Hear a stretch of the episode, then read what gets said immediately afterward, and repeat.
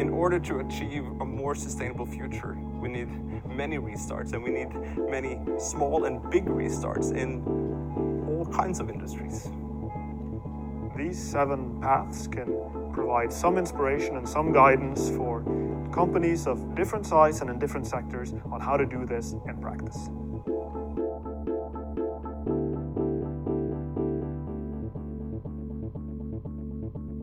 Det er fristende å si, Sveinung, at i dag gir vi bærekraftseventyr en restart. For det har vært et par hektiske uker hvor det har skjedd eh, mye. Og vi har hatt veldig mange gode intensjoner om å sette oss ned og spille inn neste episode. Men jaggu om ikke det tok litt tid.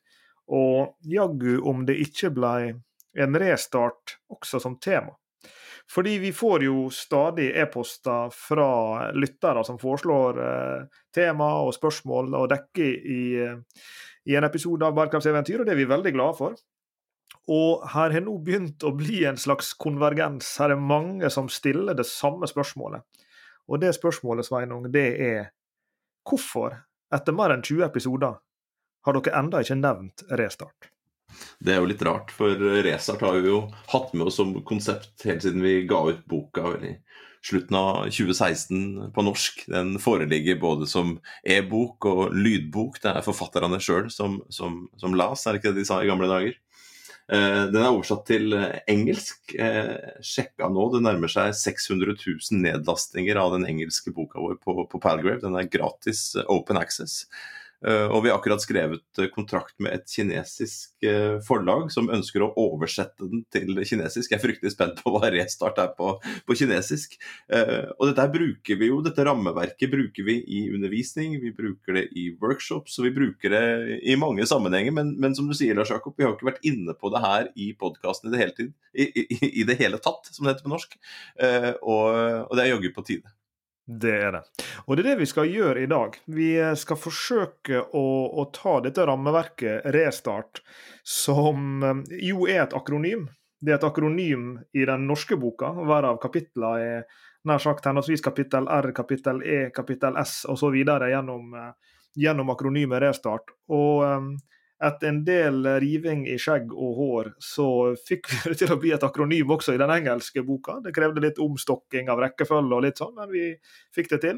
Jeg, jeg tror ikke vi tør å love i skrivende stund at den kinesiske utgava også vil ha eh, akronymformen, men eh, det vil tiden vise. Men, men, denne boka den tar altså for seg, som den norske undertittelen eh, på boka, 'Sju veier til bærekraftig business', altså den tar for seg det som vi kanskje kan tenke på som sju sammenkobla utviklingstrekk på forretningsmodellnivå.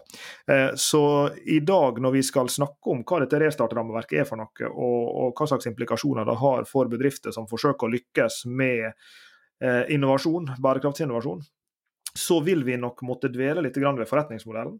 Og så skal vi ta for oss hver av disse sju utviklingstrekkene som i farten er redesign, eksperimentering, sirkulær økonomi, tjenestelogikk, allianser, resultat og tredimensjonalitet. Men det skal vi komme tilbake igjen til. Det er ikke rart vi er populære i selskapslivet, Lars Jakob. Det er litt av en liste du drar opp der, fra R til, eh, til, til, T og disse syv utviklingstrekkene knytta til forretningsmodell. Der er det svevende, ikke sant. Og som du sier, det er jo forretningsmodellen som ligger i bunnen her. Og, og vi skal ikke ta på oss æren for å være de første som skriver om, om forretningsmodeller eller forretningsmodellinnovasjon, eller de første som knytter sammen eh, bærekraft og eh, forretningsmodeller. Og det som ligger litt bak En ting er boka, men en annen ting er liksom prosjektet, eh, tankegangen her. Eh, vår utfordring da, eh, da vi skulle begynne å jobbe med ansvarlighet og lønnsomhet, bærekraft inn i en business-kontekst som bedriftsøkonomer, så lette vi etter noen, noen verktøy som kunne på en måte gjøre denne kaotiske virkeligheten av en organisasjon eller bedrift litt enklere. Altså, Hva er egentlig bedriften, og hvordan kan man da forstå hva egentlig bedriften eller organisasjonen eller virksomheten hva det er for noe? En slags virksomhetsmodell. Og hvordan er det man kunne forstå de negative eh, konsekvensene som strømmer ut av den forretningen og, virksomheten, og de positive eh, sidevirkningene. Og eh, ta det som et utgangspunkt for å, å begynne å kna og, og, se om det er noen brytere man kan skru på for å, for å skape en annen type eh, forretning som er mer bærekraftig. Og Det er på en måte liksom problemet i bånn. Og, og det, det, problemet, Da hadde vi jo ikke i utgangspunktet forretningsmodellen. og Så begynte jo litteraturen å komme. sånn 2010 omtrent, så begynte det å, å piple opp flere og flere artikler og bøker og fine pekebøker, sånne designbøker med masse 3M, sånne Post-It-lapper på, og ting som var veldig knytta til designprosesser og utviklingsprosesser i, i, i organisasjoner. Og så prøvde vi å ta tak i den forretningsmodellen, hvordan bedrifter skaper, leverer og kaprer verdi. Altså hvordan en skaper verdi ved å tilby produkter og tjenester til kunder eller noen brukere i et eller annet marked. Hvordan den leverer eh, dette her, altså hvordan den har rigga seg, hva slags type organisasjon, hva slags type ressurser er den har, hva er det den gjør, hvilke samarbeidspartnere er den har. Eh, for eh, den tredje opp mot den tredje, altså hvordan er den kaprer verdi. For dette her koster jo penger. Det koster penger å levere tjenester og produkter. Um, og så får man forhåpentligvis også inntekter, altså man får noe inn. Uh, og den logikken som ligger bak her, og de mange, mange mange ulike måtene å se en forretningsmodell på, og forstå det og, og, utvikle den videre, det er på en måte kjernen her sammen med, sammen med bærekraft. Og i løpet av de de 23 episodene før denne, i, i, i denne podkastserien, så har jo vi snakka om veldig mange forretningsmodeller. Uten å nødvendigvis Jeg vet ikke om vi har brukt ordet, vi har sikkert nevnt det noen ganger. Eh, men vi har vel aldri vært helt eksplisitte på eh, en av på en måte grunnpilarene i vårt perspektiv, da, som er, og som, som hele Restart-prosjektet hviler på. Nemlig at, at vi, vi, eh, står vel i den posisjonen at vi, vi mener at dersom bærekraftsinnovasjon skal lykkes og, og, og bli varig eh, i bedrifter over tid, så må han være knytta til forretningsmodellen til virksomheten. Altså Det kan ikke være glasur på toppen, det kan ikke være en frakobla forbedringsprosess som ikke har noe med kjernevirksomhet å gjøre. Det må være knytta an til det som du nettopp var inne på, Sveinung, hvordan bedriften skaper, leverer og kaprer verdi. Og Derfor, som vi har brukt eksempel på i, i, i tidligere episoder, så dreier det seg om ja, hva, hva, skjer når en bedrift går fra å selge et produkt til å tilby det som en tjeneste? Hva skjer når en virksomhet begynner å benytte andre typer innsatsfaktorer, grønnere innsatsfaktorer, inn i produktet? Hva skjer når en legger til rette for deling av produktet, slik at flere kunder kan benytte det enten samtidig eller sekvensielt? Alle disse tingene her er jo har jo med bærekraft å gjøre. for Det dreier seg om hvordan kan vi eh, øke ressurseffektiviteten og få mer ut av mindre og, og generere eh, mindre negative fotavtrykk. Men samtidig så dreier det seg i veldig stor utstrekning om forretningsmodellrelaterte spørsmål. Og, og Det er vel kjernen i Restart. og når vi begynte å skrive denne boka, Sveinung, vi begynte vel å skrive den kanskje i 2015, eller noe sånt, kan jeg tenke meg, så var jo det for å, for å, peke helt tilbake igjen til den første episoden i denne podkastserien, der, der, fortalte vi at vi, vi, har basert oss på onkel Reisende Mac fra Fraglene som, som en slags ledestjerne i vår karriere. Han sendte postkort hjem. Og, og, denne boka, den norske boka er jo veldig relativt kort. Skrevet som en litt sånn executive markedbok. Og han var jo meint å være en sånn Hva er de viktigste postkortene onkel Reisende Mac ville sendt hvis han skulle oppsummere bærekraftsinnovasjon i et nøtteskall? Eh, og Det som vi da forsøkte å gjøre med denne boka, med disse sju utviklingstrekkene som, som Restart-akronymet fanga opp, det var å si noe om utviklingstrekk som vi så i bedrifter som vi møtte ute i markedet, her til lands og utenlands, i store virksomheter og i små virksomheter utviklingstrekk som eh, for så vidt fungerer hver for seg, disse sju, men som ofte også er sammenkobla. Men de, de, trenger ikke å være det. Og som vi da mente at disse utviklingstrekkene her, de er allerede i ferd med å endre måten bedrifter driver business på. Og vår påstand, da, for vi våger å kikke litt inn i spåkula, og vi formulerer også inne i boka eh, disse sju som propositions, eller kall det i hermetegn hypotese om fremtidens forretningsmodeller. Da. Dette er utviklingstrekk som vi tror vil forme forretningsmodeller i år, neste år og i de neste fem og ti årene.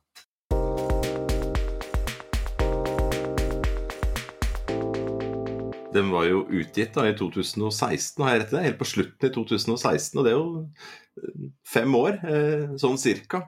Eh, og de hypotesene, det har jo vist seg å stemme, noen av dem. Altså dette her har jo, Den ble jo skrevet samtidig som mye av dette her skjedde, og vi har jo sett nå de siste fem årene en, en, en bevegelse i den retningen. Og Den første liksom, påstanden vi kommer med, er jo at i framtiden må bedrifter hyppigere og i langt større grad Eh, redesigne forretningsmodellene sine. Så har vi her forklart hva det er, og, og vi har gjort det på en veldig sånn eh, kanskje litt sånn uh, svevende måte gjennom skape, levere, kapre, bærekraft og sånne ting.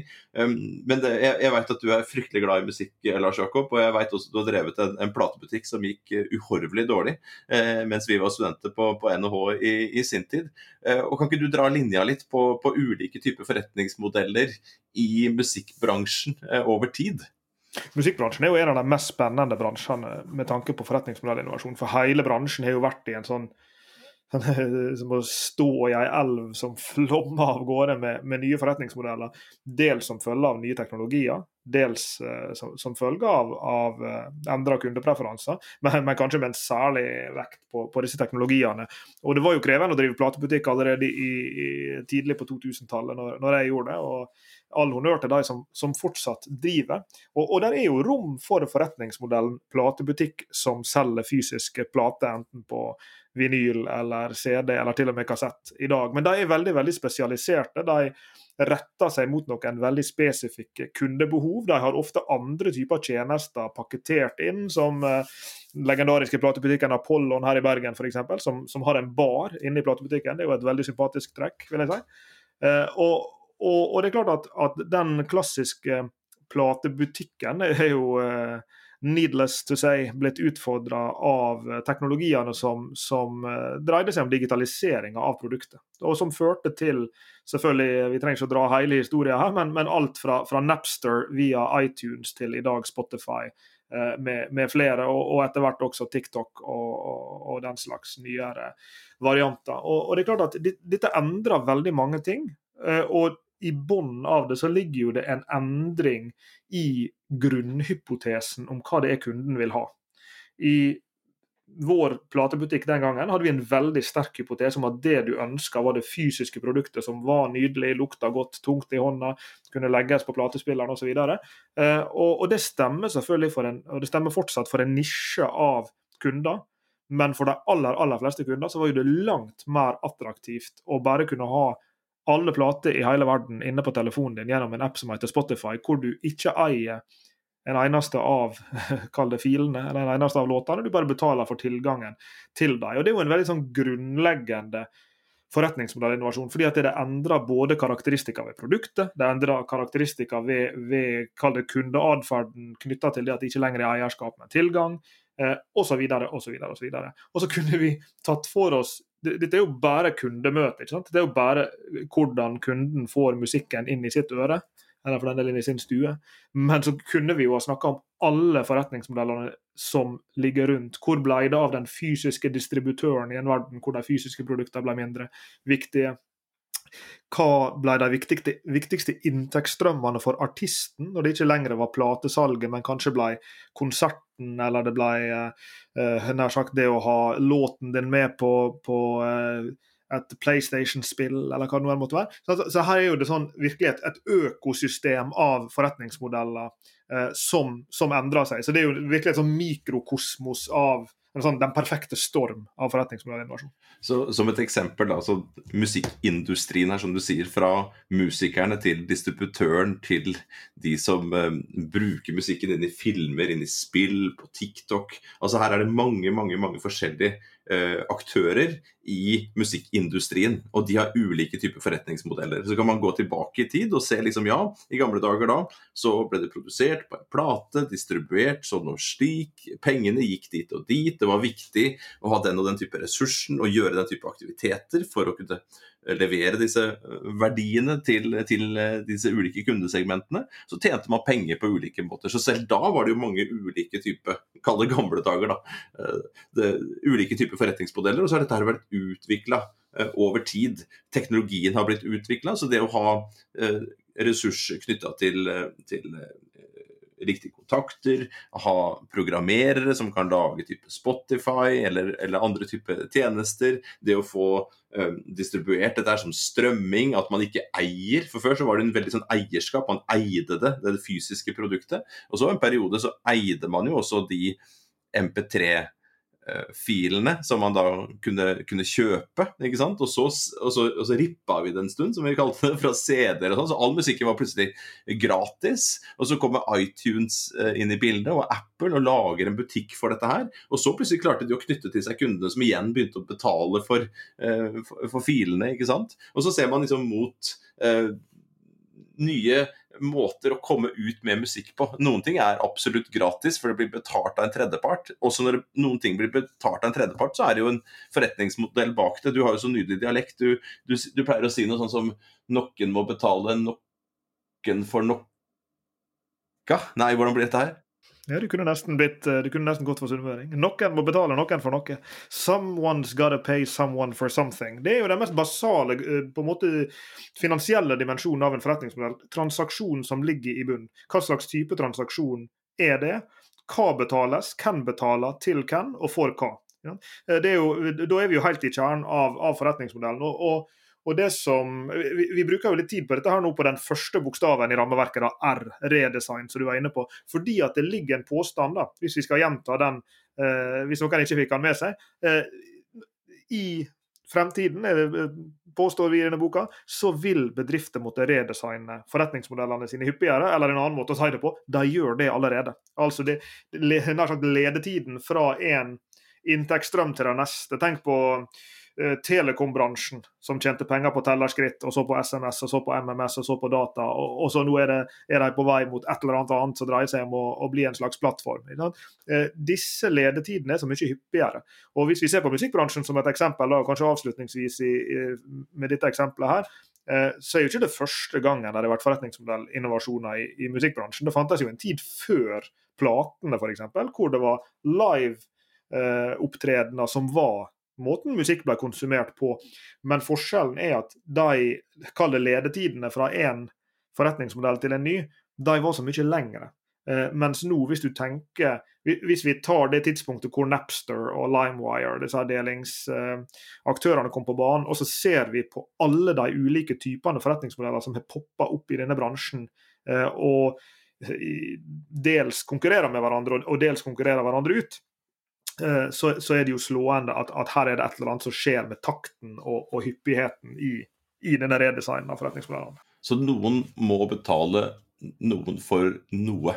Eh, og og musikken den har vært der hele tiden. Og det er ulike måter å betale på, det er ulike måter å konsumere musikk på, det er ulike måter å levere det på, det er ulike måter å kapre eh, verdi på dette her. Men også musikkbransjen har jo en bærekraftsdimensjon. Så da du drev platebutikken med dine fysiske plater, og dere reiste rundt som DJ-er i Europa eh, for å hente hjem igjen kilovis med eh, tunge vinylplater, laga av oljeprodukt. Ja, ja. Så hadde jo det en Ja, men det, det hadde jo et avtrykk eh, det også. ikke sant? Eh, musikk skaper jo enormt med glede og, og, samhold og gir folk muligheten til å uttrykke seg kreativt. og Den har mange mange sånne positive eksternaliteter. Men eh, på den tiden da også flere negative eksternaliteter. Det krevdes mer ressurser for å kunne lytte på musikk hjemme hos seg selv, enn i dag hvor vi strømmer musikken gjennom eh, mobilen med en, en liten høyttaler og et, et, headset, eller hvordan vi nå enn gjør det. Og Dette har altså utviklet seg over tid både bakover i tid, på den tiden der, og, og, i dag. Så hele tiden så vil en forretningsmodell ha noen negative eksternaliteter, negative sidevirkninger, og så ha noen positive. Og de vi jobber med når vi ønsker å jobbe med bærekraftig forretningsmodellutvikling, eller forretningsmodellinnovasjon, det er jo da å redusere dette negative fotavtrykket, samtidig som vi skaper enda mer positivt uh, fotavtrykk. Så, så, og, og, og, vår påstand er jo at her ligger Eh, bærekraft og forretningens liksom, grunnnatur de, de, er veldig veldig tett sammenkoblet. Og så har vi snakket gjennom hele denne podkastserien om de mulighetene som kan ligge der ved å løse problemet på en annen måte. Så, så musikk er jo én ting. Eh, og apropos restart av bærekraftseventyr, så var det jo noe eh, fotballfolk du er jo, Det er jo ikke noe hemmelighet at du er Arsenal-fan, eh, Lars Jakob. Og, og, og, alle som følger fotball, vet at du, du har jo et liv med mye tårer. For at det er mye tap, ikke sant?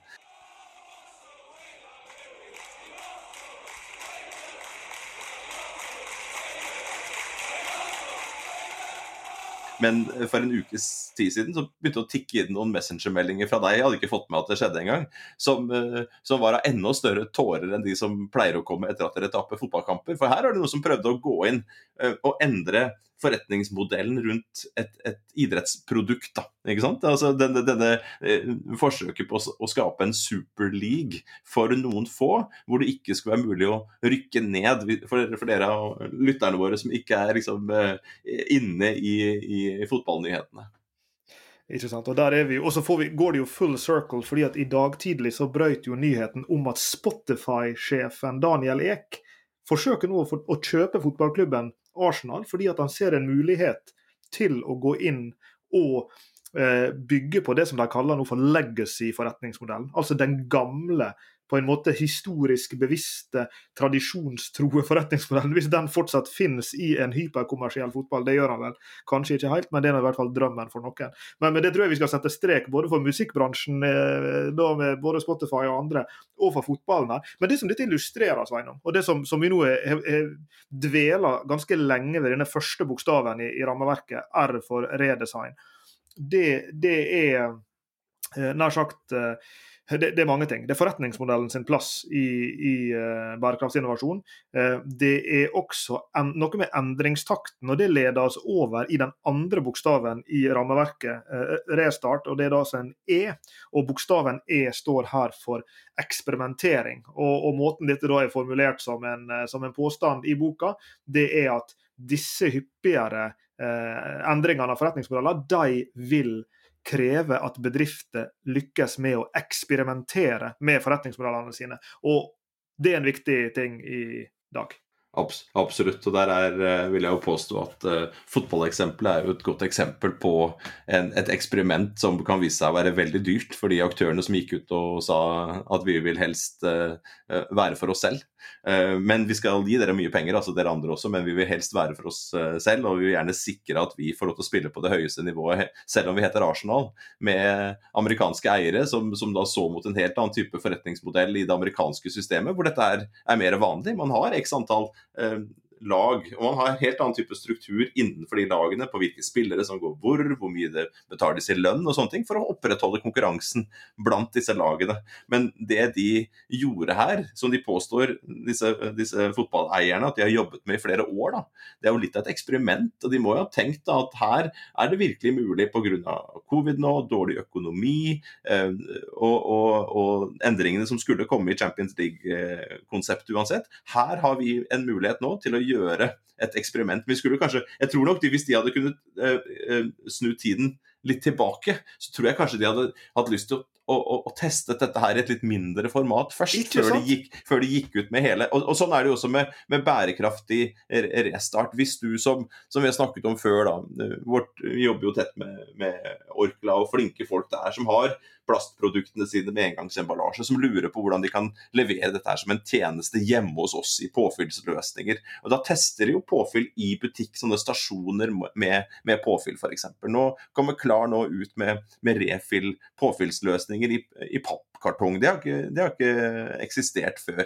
Og Noe av det kan jo være på eksperimentstadiet, eh, og noe kan være at man virkelig ruller det ut. Men vi vet jo hvor mange eksperimenter og mye tester som ligger bak før bare den testen skjer i butikk. Da, ikke sant? Eh, og her har vi et eksempel på et mega-eksperiment i, i, i, i real time, da, live fra liksom eh, Qatar og, og, USA. Jo, jo, men så, bare, så, banker de inn nå. Nå skal vi gjøre det over natta. Her er kontrakten. Vi kommer til å gønne på, koste hva det koster. Og over natta, der har du poenget. ikke sant? Fordi jeg, jeg liker å vende vendinga i storyen din der. fordi at eh, ja, det er et slags eksperiment med stor E å, å kaste ut en sånn ny modell, men samtidig så er ikke det i tråd med prinsipper for god eksperimentering. For akkurat som du er inne på, når Orkla har lyst til å finne ut kunne vi hatt en påfyllsmodell, ja, da setter de opp en liten påfyllsstasjon på én Coop-butikk i Oslo, og så tester de det. Og så begynner de utvalgt hjemlevering til noen få kunder på påfyllstjenester, slik at de kan teste det i liten skala for å se liker kunden det, får vi det til? Sånn, alle disse tingene som er på en måte egenskaper ved, ved, god eksperimentering, og som jeg er helt sikker på at vi skal komme tilbake igjen og, og vie en hel episode til senere, dette med hvordan eksperimentere med, med grønne forretningsmodeller. For det er jo noe av det vi jobber aller mest med. Mens nettopp den her eh, superligaen til disse fotballgigantene det var jo akkurat det motsatte. De kasta alle eggene sine i en kurv. Plutselig kom det en pressemelding. Vi går alle sammen, og så gjør vi det her. Og så ble backlashen gigantisk. Og Det minner meg litt om et eksempel vi bruker i boka vår, eh, Sveinung, som er, som Netflix. Som den gangen de skulle begynne med strømmetjenesten sin eh, eh, og, og, spinne den ut som en egen De, de hadde jo flere forretningsområder. Så, så priser de det helt feil. og De, de priser det og satte opp på en måte som kundene virkelig ikke likte. Og du, og du, kan gå tilbake igjen og se historisk på knekken i aksjeprisen til Netflix i akkurat de ukene der, når de ikke hadde vært ute og, og følt på, på kundene sine preferanser og testa noen små sånne kanskje på 100 kunder her og 100 kunder der, så rulla de det utover hele USA og, og, gikk på trynet og måtte gå tilbake igjen og be om unnskyldning og lage en, en ny modell. Så eksperimenteringa, hvis vi skal endre oss, og ikke minst hvis vi skal endre oss, endre oss radikalt, ikke minst hvis vi skal endre oss hyppig, ikke minst hvis vi skal endre oss raskt, så er evnen til å kunne kontrollert eksperimentere med nye forretningsmodeller er helt essensiell for å lykkes. Og Disse to første bokstavene, Sveinung, R og E, de utgjør på en måte ett uh, cluster av mangel av et bedre uttrykk i restart-rammeverket. Vi pleier å dele det inn i tre, hvor R og E, de to første, de henger sammen, for det dreier seg om endringer eller innovasjon i forretningsmodeller. Så er det de neste tre, S, T og A, det sirkulære, tjenestelogikken og allianser, som dreier seg om noe om om du vil, innholdet i disse endringene. Og så er det de to siste bokstavene R og T, resultat og tredimensjonalitet, som handler om kall det måltavler for hvordan lykkes med disse typene innovasjoner. Så la oss bevege oss da fra disse første to, når vi nå har tatt et dypdykk i forretningsmodellen og eksperimenteringa med slike forretningsmodeller, inn mot dette saftige indrefileten av et midtstykke S. T og A, og da kan jo du få lov til å begynne med den første, denne påstanden om at vi er på vei mot en verden som vil være kjennetegna av sirkulære prosesser og sirkulære forretningsmodeller.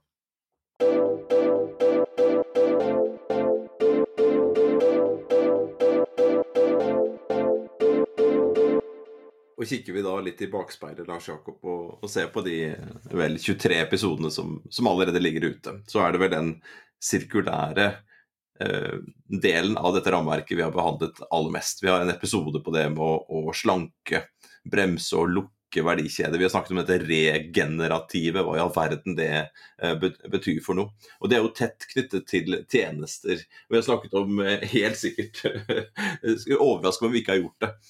Mobiltelefonen som man kan kjøpe eh, og, og, legge i skuffen, sånn som vi pleide å gjøre i gamle dager. Men i større og større grad nå så, så er det jo leasingsmodeller, hvor du da får slankere eh, mobiltelefoner som er designet på en sånn måte at du skal kunne ha et lengre levetid, men da, da, må du knytte en forretningsmodell til det som gjør at folk får tilgang til dette. her, Så du kan bremse levetiden til produktet. Sånn at eh, når Lars Jakob har brukt den eh, og, og ønsker å, å, å, ha en ny, så kan han levere tilbake. Eh, og så må jo da denne butikken da ha med seg en form for leverandør som kan reparere den, oppgradere den. Og så må de også ha en forretningsmodell som gjør at den kan leies ut til noen andre, eller tilbys noen andre på hvert fall en sånn måte som sikrer at den kommer tilbake igjen. Eh, ikke sant? Um, og Da dreies jo dette produktet i større og større grad til å bli en tjeneste, før den blir tilbudt til folk. Og, og det her har vi snakket om, og det ser vi på teppe, vi ser det på driller, vi ser det på biler, vi ser det på flymotorer. Andre forretningsmodeller eh, knyttet til disse produktene som muliggjør det å bremse levetiden. Og så er vi opptatt av dette med å lukke Eh, det å, å, få det inn igjen i loopen, sånn som vi har snakket med Fredrik Barth om, som vi driver med i Nordic Circle, så skal ha disse skipene og boreriggene tilbake i bruk. At vi kan bruke elementer fra dem eh, istedenfor å smelte om alt til spiker. Ja, det er jo en form for resirkulering. og det er jo bedre det enn å, å, å dumpe det i, i, Nordsjøen. Men kunne det da vært enda bedre om vi klarte å bruke disse komponentene på nytt? Sånn som vi da håper, og sånn som vi ser at mobiltelefonleverandørene gjør. At de designer mobiltelefoner hvor den nye mobiltelefonen kan bli brukt av komponenter av den gamle. Sånn som ser vi på biler, på båter og på, på, på ulike ting, og nå også på hus. Nå, nå ser vi altså Ikke bare dette her med stål og skip, men, men eh, Fredrik Wart og Will og co. annonserte vel nå i helga noen muligheter for oppsirkulering av, og, og satt det i system med andre byggematerialer også. Dette krever jo da andre typer forretningsmodeller for sirkularitet. Og da må det redesignes. Hvis vi bare gir meg to sekunder, eller, eller 28 Hvis en ser da på, på redesignet, da, så hvordan gjør vi det nå?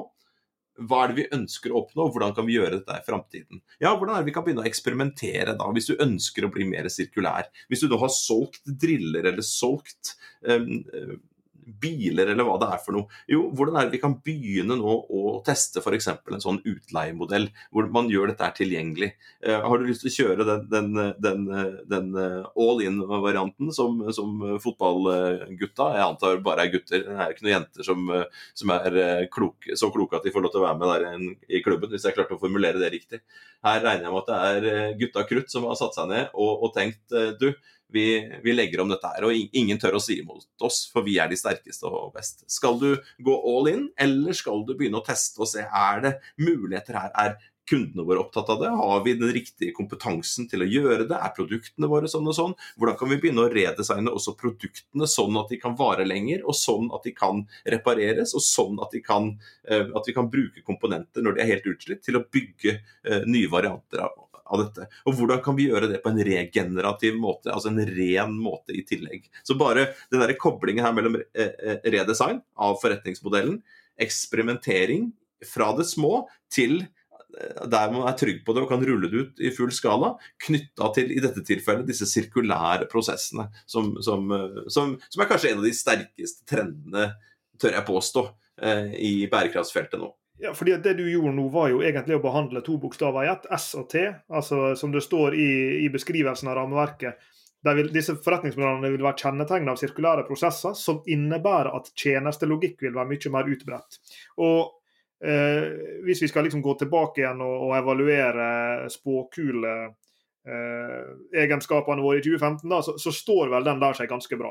Altså, jeg, jeg tror det, det, er vanskelig å argumentere for, hvis vi ser på utviklingstrekkene i næringslivet de siste fem åra, både her til lands og internasjonalt, at ikke det stemmer at her er blitt en betydelig mer sirkulær både eh, produksjon og konsum, altså konsummodeller, og at eh, det i veldig betydelig grad har vært en overgang fra en eierskapsbasert til en tilgangsbasert, og dermed fra en produktbasert til en tjenestebasert økonomi. Og Det er like sant i business to business-marked som det er i business to consumer-marked. Så, så, at disse to utviklingstrekkene her har kommet mye lenger enn de hadde når denne boka ble skrevet, det, det, det vil jeg si ganske trivielt å, å etterprøve at det stemmer. Og så er det denne tredje bokstaven da, i, i, i, dette midtstykket, her, denne A-en, allianser. Og I den ligger jo det da eh, som vi skriver, at det, det, vil komme til å gjøre, altså det sirkulære skiftet og det tjenestebaserte skiftet, vil gjøre allianser viktigere for å lykkes. Og, og Det har vi jo behandla i mange tidligere episoder, og vi har allerede lova en lytter som skrev inn at vi, eh, at vi, skal eh, snart lage en episode om det som kalles industriell symbiose. Denne måten eh, flere virksomheter samlokaliserer og samorganiserer seg for å utnytte hverandre sine ressurser og felles ressurser mer effektivt og bedre. Det skal vi komme tilbake til. Men disse typene allianser mellom virksomheter, fordi at en skal gå fra denne lineære til den sirkulære økonomien. Altså med andre ord hvor en må få fatt i de ressursene en trenger, når en trenger dem, der en trenger dem. Eh, og også denne overgangen til en tjenestebasert økonomi, som veldig ofte innebærer at aktører pakketterer i hermetegn, tjenestene sine sammen i plattformen, enten de er digitale eller ikke, og på ulike måter lager sammensatte tjenestetilbud til, eh, altså i, i, plattformer og i andre typer konstellasjoner til kundene sine. Eh, derfor spiller alliansene en sånn viktig rolle i å både lykkes med sirkulær økonomi og med å lykkes med tjenestebaserte forretningsmodeller. Vi har vel en slags forretningsmodell, vi og Lars Jakob, selv om vi ikke går rundt og tenker på oss selv som en forretning. Vi er jo en del av en stor organisasjon, NHH, som har sine forretningsmodeller knytta til forskning, knytta til uh, utdanning.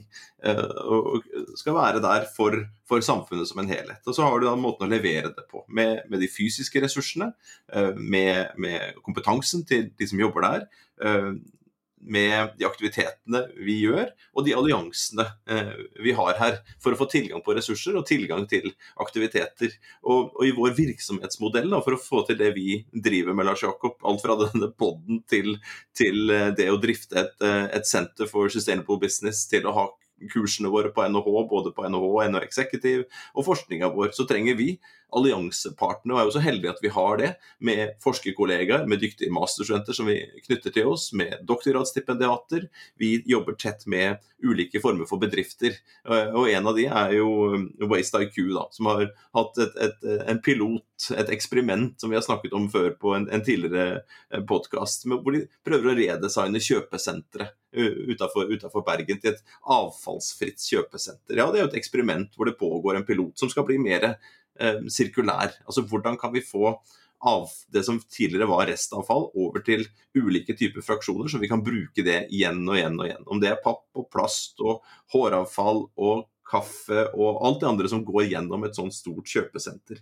Og Der er det jo allianser. Så, så i, i, vår virksomhetsmodell så er vi helt avhengig av allianser. Vi har jo knytta til oss nå Bettina Jevne som en, en forskningsassistent sant, på dette prosjektet, som, som, følger opp disse bedriftene så, og, og, gjør intervjuer med oss og sammen med oss og analyserer dette her for å få det mulig. Og Så samarbeider vi med, med, med, med Nancy Bokken i, i Maastricht, som, som, forsker på et paper for å skrive om dette her. Og så sitter vi der med Waste IQ, som er i kjernen med Ton, som, som, som eier kjøpesenteret. Og så lager vi jo hele tiden nye allianser rundt oss for å levere en eller annen form for, for verdi. Så vi forsøker jo å skape verdi for ulike brukergrupper på ulike måter eh, gjennom egen aktivitet og gjennom disse alliansene. Og, og kjøpesenteret der ute er jo da en, som, som sagt en sånn sirkulær hvor man da ikke bare tilby produkter som tjenester, men man må jobbe med hele tjenestekonseptet ute på kjøpesenteret, så at de som jobber der, får riktig teknologi. At det blir lett for dem å finne ut hvilke avfallstyper skal gå i hvilke typer konteinere. Eh, man må legge opp hele logistikken rundt dette her. Man kjører konkurranser for å, for å stimulere folk til å oppføre seg, eller endre atferd rundt det. Og man tester og måler, og så ser man ok, hva er det vi lærer her gjennom eksperimenteringa som gjør at vi kan redesigne ikke bare dette kjøpesenteret, men kanskje alle kjøpesentre. Og hvordan kan vi overføre den kunnskapen til borettslag, til næringseiendom, til bydeler, til byer, til hele land og hele verden. Og tenke helt annerledes, sånn at vi kan lukke dette svære, svære gapet som eksisterer i dag mellom alle de ressursene vi putter inn i økonomien, og, alt, og, og, og det vi klarer å, å, å gjenbruke på nytt og på nytt og på nytt, helst i de sin mest verdifulle form.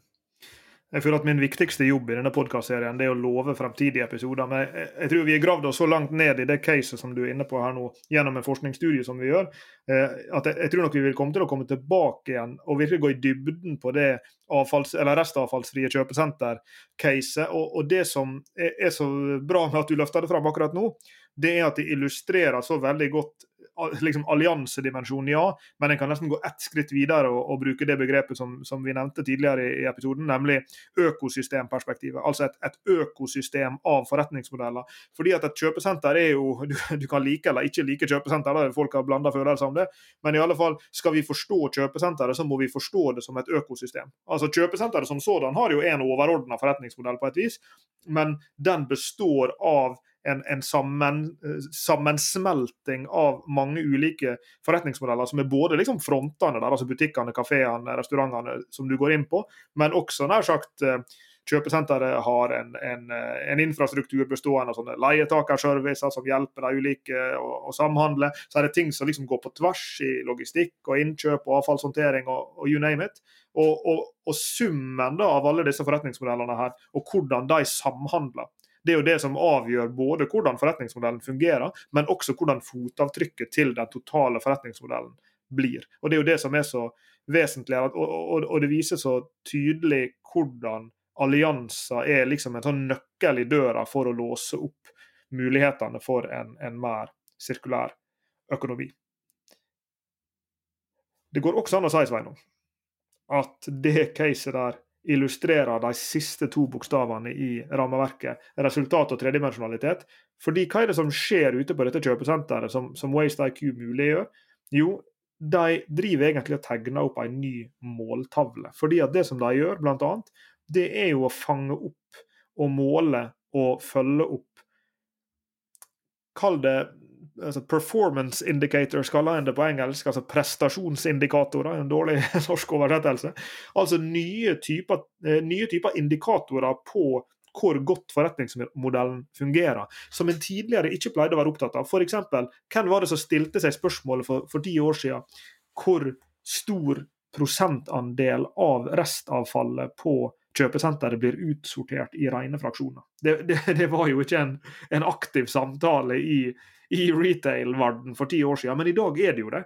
Virksomheten forstår at hvorvidt de lykkes med å sortere ut rene ressursstrømmer av i, i eh, nær sagt gjenvinningsleddet på kjøpesenteret, ja, det får direkte konsekvenser for det første for hvor mye de må betale eh, renovasjonsselskapene i avfall, avfallshåndteringsgebyr. Så der har vi en økonomisk dimensjon av relevans for forretningsmodellen. Men i tillegg, hvis de kan få disse fraksjonene så rene at de kan videreselge dem til andre, at, du, at, noen kan bruke matavfallet, at noen kan bruke kaffegruten, at noen kan bruke en hvilken som helst ressursstrøm, ja, da kan jo det til og med eh, poppe opp i regnskapet til kjøpesenteret på plussida som en inntektsstrøm. Og da snakker vi Sveinung, om nye resultat i en verden som blir mer og mer tredimensjonal. Det er de to siste bokstavene her. Resultat og tredimensjonalitet. R og T. Og når vi sier tredimensjonal, så mener vi selvfølgelig i triple bottom line-forstand. Samfunnsmessig, miljømessig og økonomisk bunnlinje. En litt annen måte å tenke på det der. Og det er jo flere og flere bedrifter som, som gjør det, og som, som, prøver å gjøre det. Og det er jo ikke noe, det er jo ikke, noe, det er jo ikke helt ferskvare, det begrepet. Det er jo vært med oss siden midten av 90-tallet eller noe sånt. Altså dette her eh, triple bottom line ble introdusert først. Så er det en evig diskusjon knytta til liksom bærekraft er det bare miljø, er det bare samfunn, er det bedriftens økonomi, eller er det samfunnets totale økonomi og, og fordelingen av de verdiene som blir skapt? Eh, så her er vi jo, Dette har vi snakket eh, masse om, og vi kommer til å snakke om det hele veien gjennom denne, denne, denne, denne podkastserien. Men disse, ja, denne måltavlen da, hvor man ikke bare kan se på sitt eget Eh, overskudd. Man må se på hva slags type overskudd, hvordan man skaper og, og også deler kake med andre aktører rundt seg. Man ser på fotavtrykket på, man har på, på miljøet internt, men også hvordan man hjelper andre eh, virksomheter eller, eller enkeltpersoner eh, med å redusere sitt eh, fotavtrykk og leve mer bærekraftig liv. Og så har du den der sosiale dimensjonen, det med å, å skape jobb og, og, og alle de andre måtene en, en bedrift potensielt eh, kan bidra på. Um, en annen måte å, å, se det på er så, såkalte ESG-faktorer, altså på engelsk environmental, social og, og governance-faktorer. Um, og Vi jobber nå med, med, med en studie Lars Jakob, uh, knytta til rapportering og knytta til vesentlighet. Hva er de vesentlige forholdene? Eh, bærekraftsforholdene og de finansielle forholdene for en bedrift. og Hvordan er det de skal kommunisere dette her til interessenter, enten det er eiere eller de som låner dem penger, om det er ansatte eller om det er influensere. Hvordan skal dette her rapporteres ut? Og Her er vi inne i kjernen av det. og Vi ser jo nå at analytikere, finansanalytikere i større og større grad sitter og, og, og ser på bedrifter, store børsnoterte virksomheter over tid, og verdsetter dem også da økonomisk ut fra hvordan de, eh, hvordan de klarer å prestere fokusere på disse tre eh, hoveddelene, altså økonomi, samfunn og miljø. Og der hvor det tidligere var litt sånn ja, hyggelig, da. Hyggelig hvis du bidro litt til, eh, på det sosiale, og, og, og, hyggelig hvis du ikke lagde for store skader miljømessig. Så ser vi i dag at du også at du kan få en positiv prising i det øyeblikket. Fordi at det er mindre risiko involvert, eh, klimarisiko f.eks. For, eksempel, for at du har gjort tiltak. Bedriften har gjort tiltak nå for å redusere eh, CO2-utslippet sitt over tid. Eller knytta til vannforbruket, eller knytta til etikk i verdikjeden, eller knytta til um, at de faktisk betaler skatt, sånn at de deler av sitt overskudd med fellesskapet, sånn at fellesskapet kan gjøre in, infrastrukturinvesteringer eh, osv.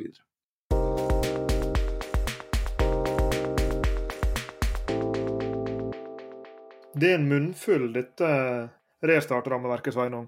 Selv om det på sett og vis hver for seg er, er enkle porsjoner. Altså sånn å, å, å spise og fordøye hver av disse sju. Um, de, de, er jo relativt enkle å forstå. Eh, en kan eh, være enig eller uenig i at disse gir en god beskrivelse av hvor forretningsmodellene er på vei hen. Hvordan bærekraftspress i vid forstand endrer forretningsmodellene til, eh, til, virksomheter. En kan være enig eller uenig i om dette her er de sju viktigste. Det var jo slik vi så det når vi skrev denne boka, altså viktigste i en bestemt forstand. Vi mente at hvis du ser disse sju her under ett, så gir de en ganske god diagnose, eller en ganske god snapshot av store, viktige sammenkobla utviklingstrekk akkurat nå. Og så er det klart at det kan hende at, uh, at onkel Reisende Mac ville ha sendt et åttende postkort, eller at han ville droppa et eller sju. Dette kan vi alltids diskutere. Men, men, det som vi har forsøkt å gjøre uh, i denne episoden, her da, det er jo uh, og, og, takk til de, til de mange lytterne som, som utfordrer oss på å gjøre det det, det, å gi en slags, et slags sånn oversiktsblikk, nesten et slags metablikk, fordi vi, vi, tar oss jo i underveis her og henviser tilbake igjen til så mange ting som, som vi snakker om i podkastserien. Det er jo nettopp fordi at, at restartrammeverket ligger jo der som en sånn overgripende eh, metafortelling rundt veldig mange av de bærekraftseventyrene som vi får lov til å være med på, og som vi gjenforteller i denne podkastserien. Og vi gjorde ikke det på vei inn, så jeg kunne tenke meg å gjøre det nå når, når, vi begynner å nærme oss en, en slags landing her. Eh, og det å lese hele restartrammeverket sine, sine sånne setninger, for de er jo skrevet opp på en sånn, eh, på en sånn påstandsform. Og, og, det som står der, da, og som dere vil kjenne igjen som de sju momenter eller elementer vi nå har presentert, er at fremtidens forretningsmodeller vil kreve hyppig redesign som vil kreve kontrollert eksperimentering. De vil være kjennetegnet av sirkulære prosesser, som innebærer at tjenestelogikk vil være mye mer utbredt. Dette vil gjøre allianser enda viktigere for å lykkes, for å oppnå de riktige resultatene i en verden hvor måltavla er tredimensjonal. Og Det du sier her, Lars Jakob, er jo at det er syv utviklingstrekk. Det er ikke syv uh, trappetrinn hvor man kan begynne på R-en og gå over til E-en, og så ta S-en og T-en og A-en og til slutt RT, som i, i restart. Dette er mer som en eh, hva skal man si, en, en uh, mosaikk.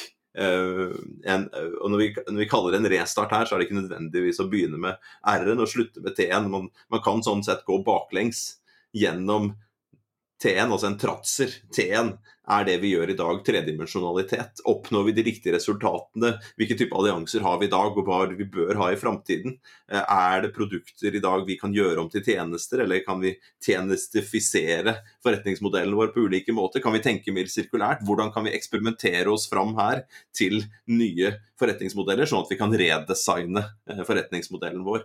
Um, så den norske boka som hadde disse syv eh, stegene, den utvidet vi med en, en modell til, som vi skal komme tilbake til i en senere episode episode ehm, på hvordan man kan gjøre dette i praksis litt mer eh, steg for steg. Og, og, disse fire stegene oversatt til norsk går fra en erkjennelsesfase over en utforskfase, og så teste, jf. eksperimentering. Så til slutt rigge seg eh, på nytt, før man igjen kan begynne å se OK, vi, er, vi, er, klare for en ny erkjennelse, for igjen begynne å utforske og teste og, og, rigge. Så dette her går i sirkel. Mens restart, apropos når du har lest disse syv utviklingstrekkene, så er ikke det ment som en oppskrift fra R til T.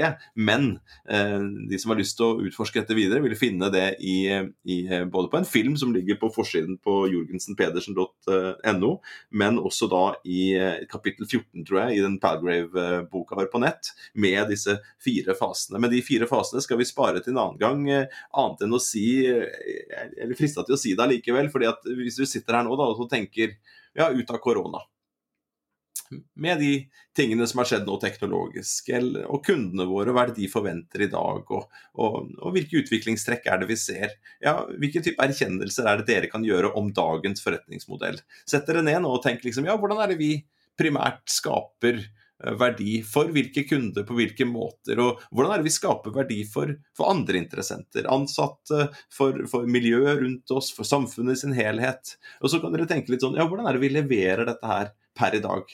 Hva er det vi har som er viktig for oss? Hvilke aktiviteter er det det gjør oss i stand til å gjøre? Og hvilke alliansepartnere vi har? Og hvordan er det vi tjener eller ikke tjener penger per i dag? Og så kan dere tenke litt rundt dette her også på ja, hva da med disse Eh, skyggesidene og solsidene til bedriften per i dag. Og Fins det noen muligheter her? Fins det noen muligheter for dere med noen nye kunder, med noen nye produkter og tjenester? Er det mulig å, å, å utforske? Så fra å gå fra en sånn erkjennelsesfase til å gå inn og utforske nye muligheter. Er det ting dere kan bruke som vi har diskutert her i dag, med e, R og E og S og T og A-en og R-en og T-en? Er det muligheter for dere å, å tilby ting mer sirkulært? Tjenester, allianser osv.? Kan dere lage noe noen hypoteser om, en, om, om, om, hvordan dere kunne gått fram i framtiden for å levere dette her. Og hadde vært mulig å gått over i en sånn type testfase. Hvor dere hadde kjørt opp piloter og, og, og blitt litt mer kjent med eh, de ansattes reaksjoner, eller de, de, eh, kundenes reaksjoner, eller myndighetenes reaksjoner. Og til slutt da rigge dere for en, en ny framtid. Og, og, og Superliga-gutta eh, de gikk jo en erkjennelsesfase. De har jo kjent på pulsen at økonomien er dårlig at de er, blitt, er under press pga. covid. Og de ser vel nå på vei ut her, så trengs det en annen type forretningsmodell. Helt uavhengig av bærekraft. Jeg tror ikke de tok, eh, og, det kan jo, og det kan jo være et av problemene her, at de ikke tenkte på at, at, her ville dette her gagne noen få, og ikke, ikke, helheten. Og at det ville potensielt ødelegge for fotballen og konkurransen og for så mange ting som er viktige her. Så den erkjennelsesfasen der det, det tror jeg ikke de hadde fått A pluss på. Eh, så utforska de vel da noen muligheter, og, og testen den gikk omtrent live eh, før de kanskje burde ha kjørt noen piloter på det. Eh, og så rigga de seg til og tenkte at dette her skulle de gjøre, og kontrakten var underskrevet, så vidt jeg forstår. Men her er det feil i erkjennelsesfase, kunne vært klokere i utforskningsfase. De kunne testa dette her bedre, sånn at de kunne rigga seg på en annen måte og fått til kanskje de resultatene de ønska på en annen måte. Så den restarten de forsøkte, Lars Jakob, eh, den, den feila. På samme måte så må de som sitter i musikkindustrien i dag tenke ok, post covid. Vi som jobber med undervisning og utdanning, vi har sett det allerede. Uh, ut av uh, covid nå. Vi skulle lage et kurs eh, for en ekstern partner med NHO Executive.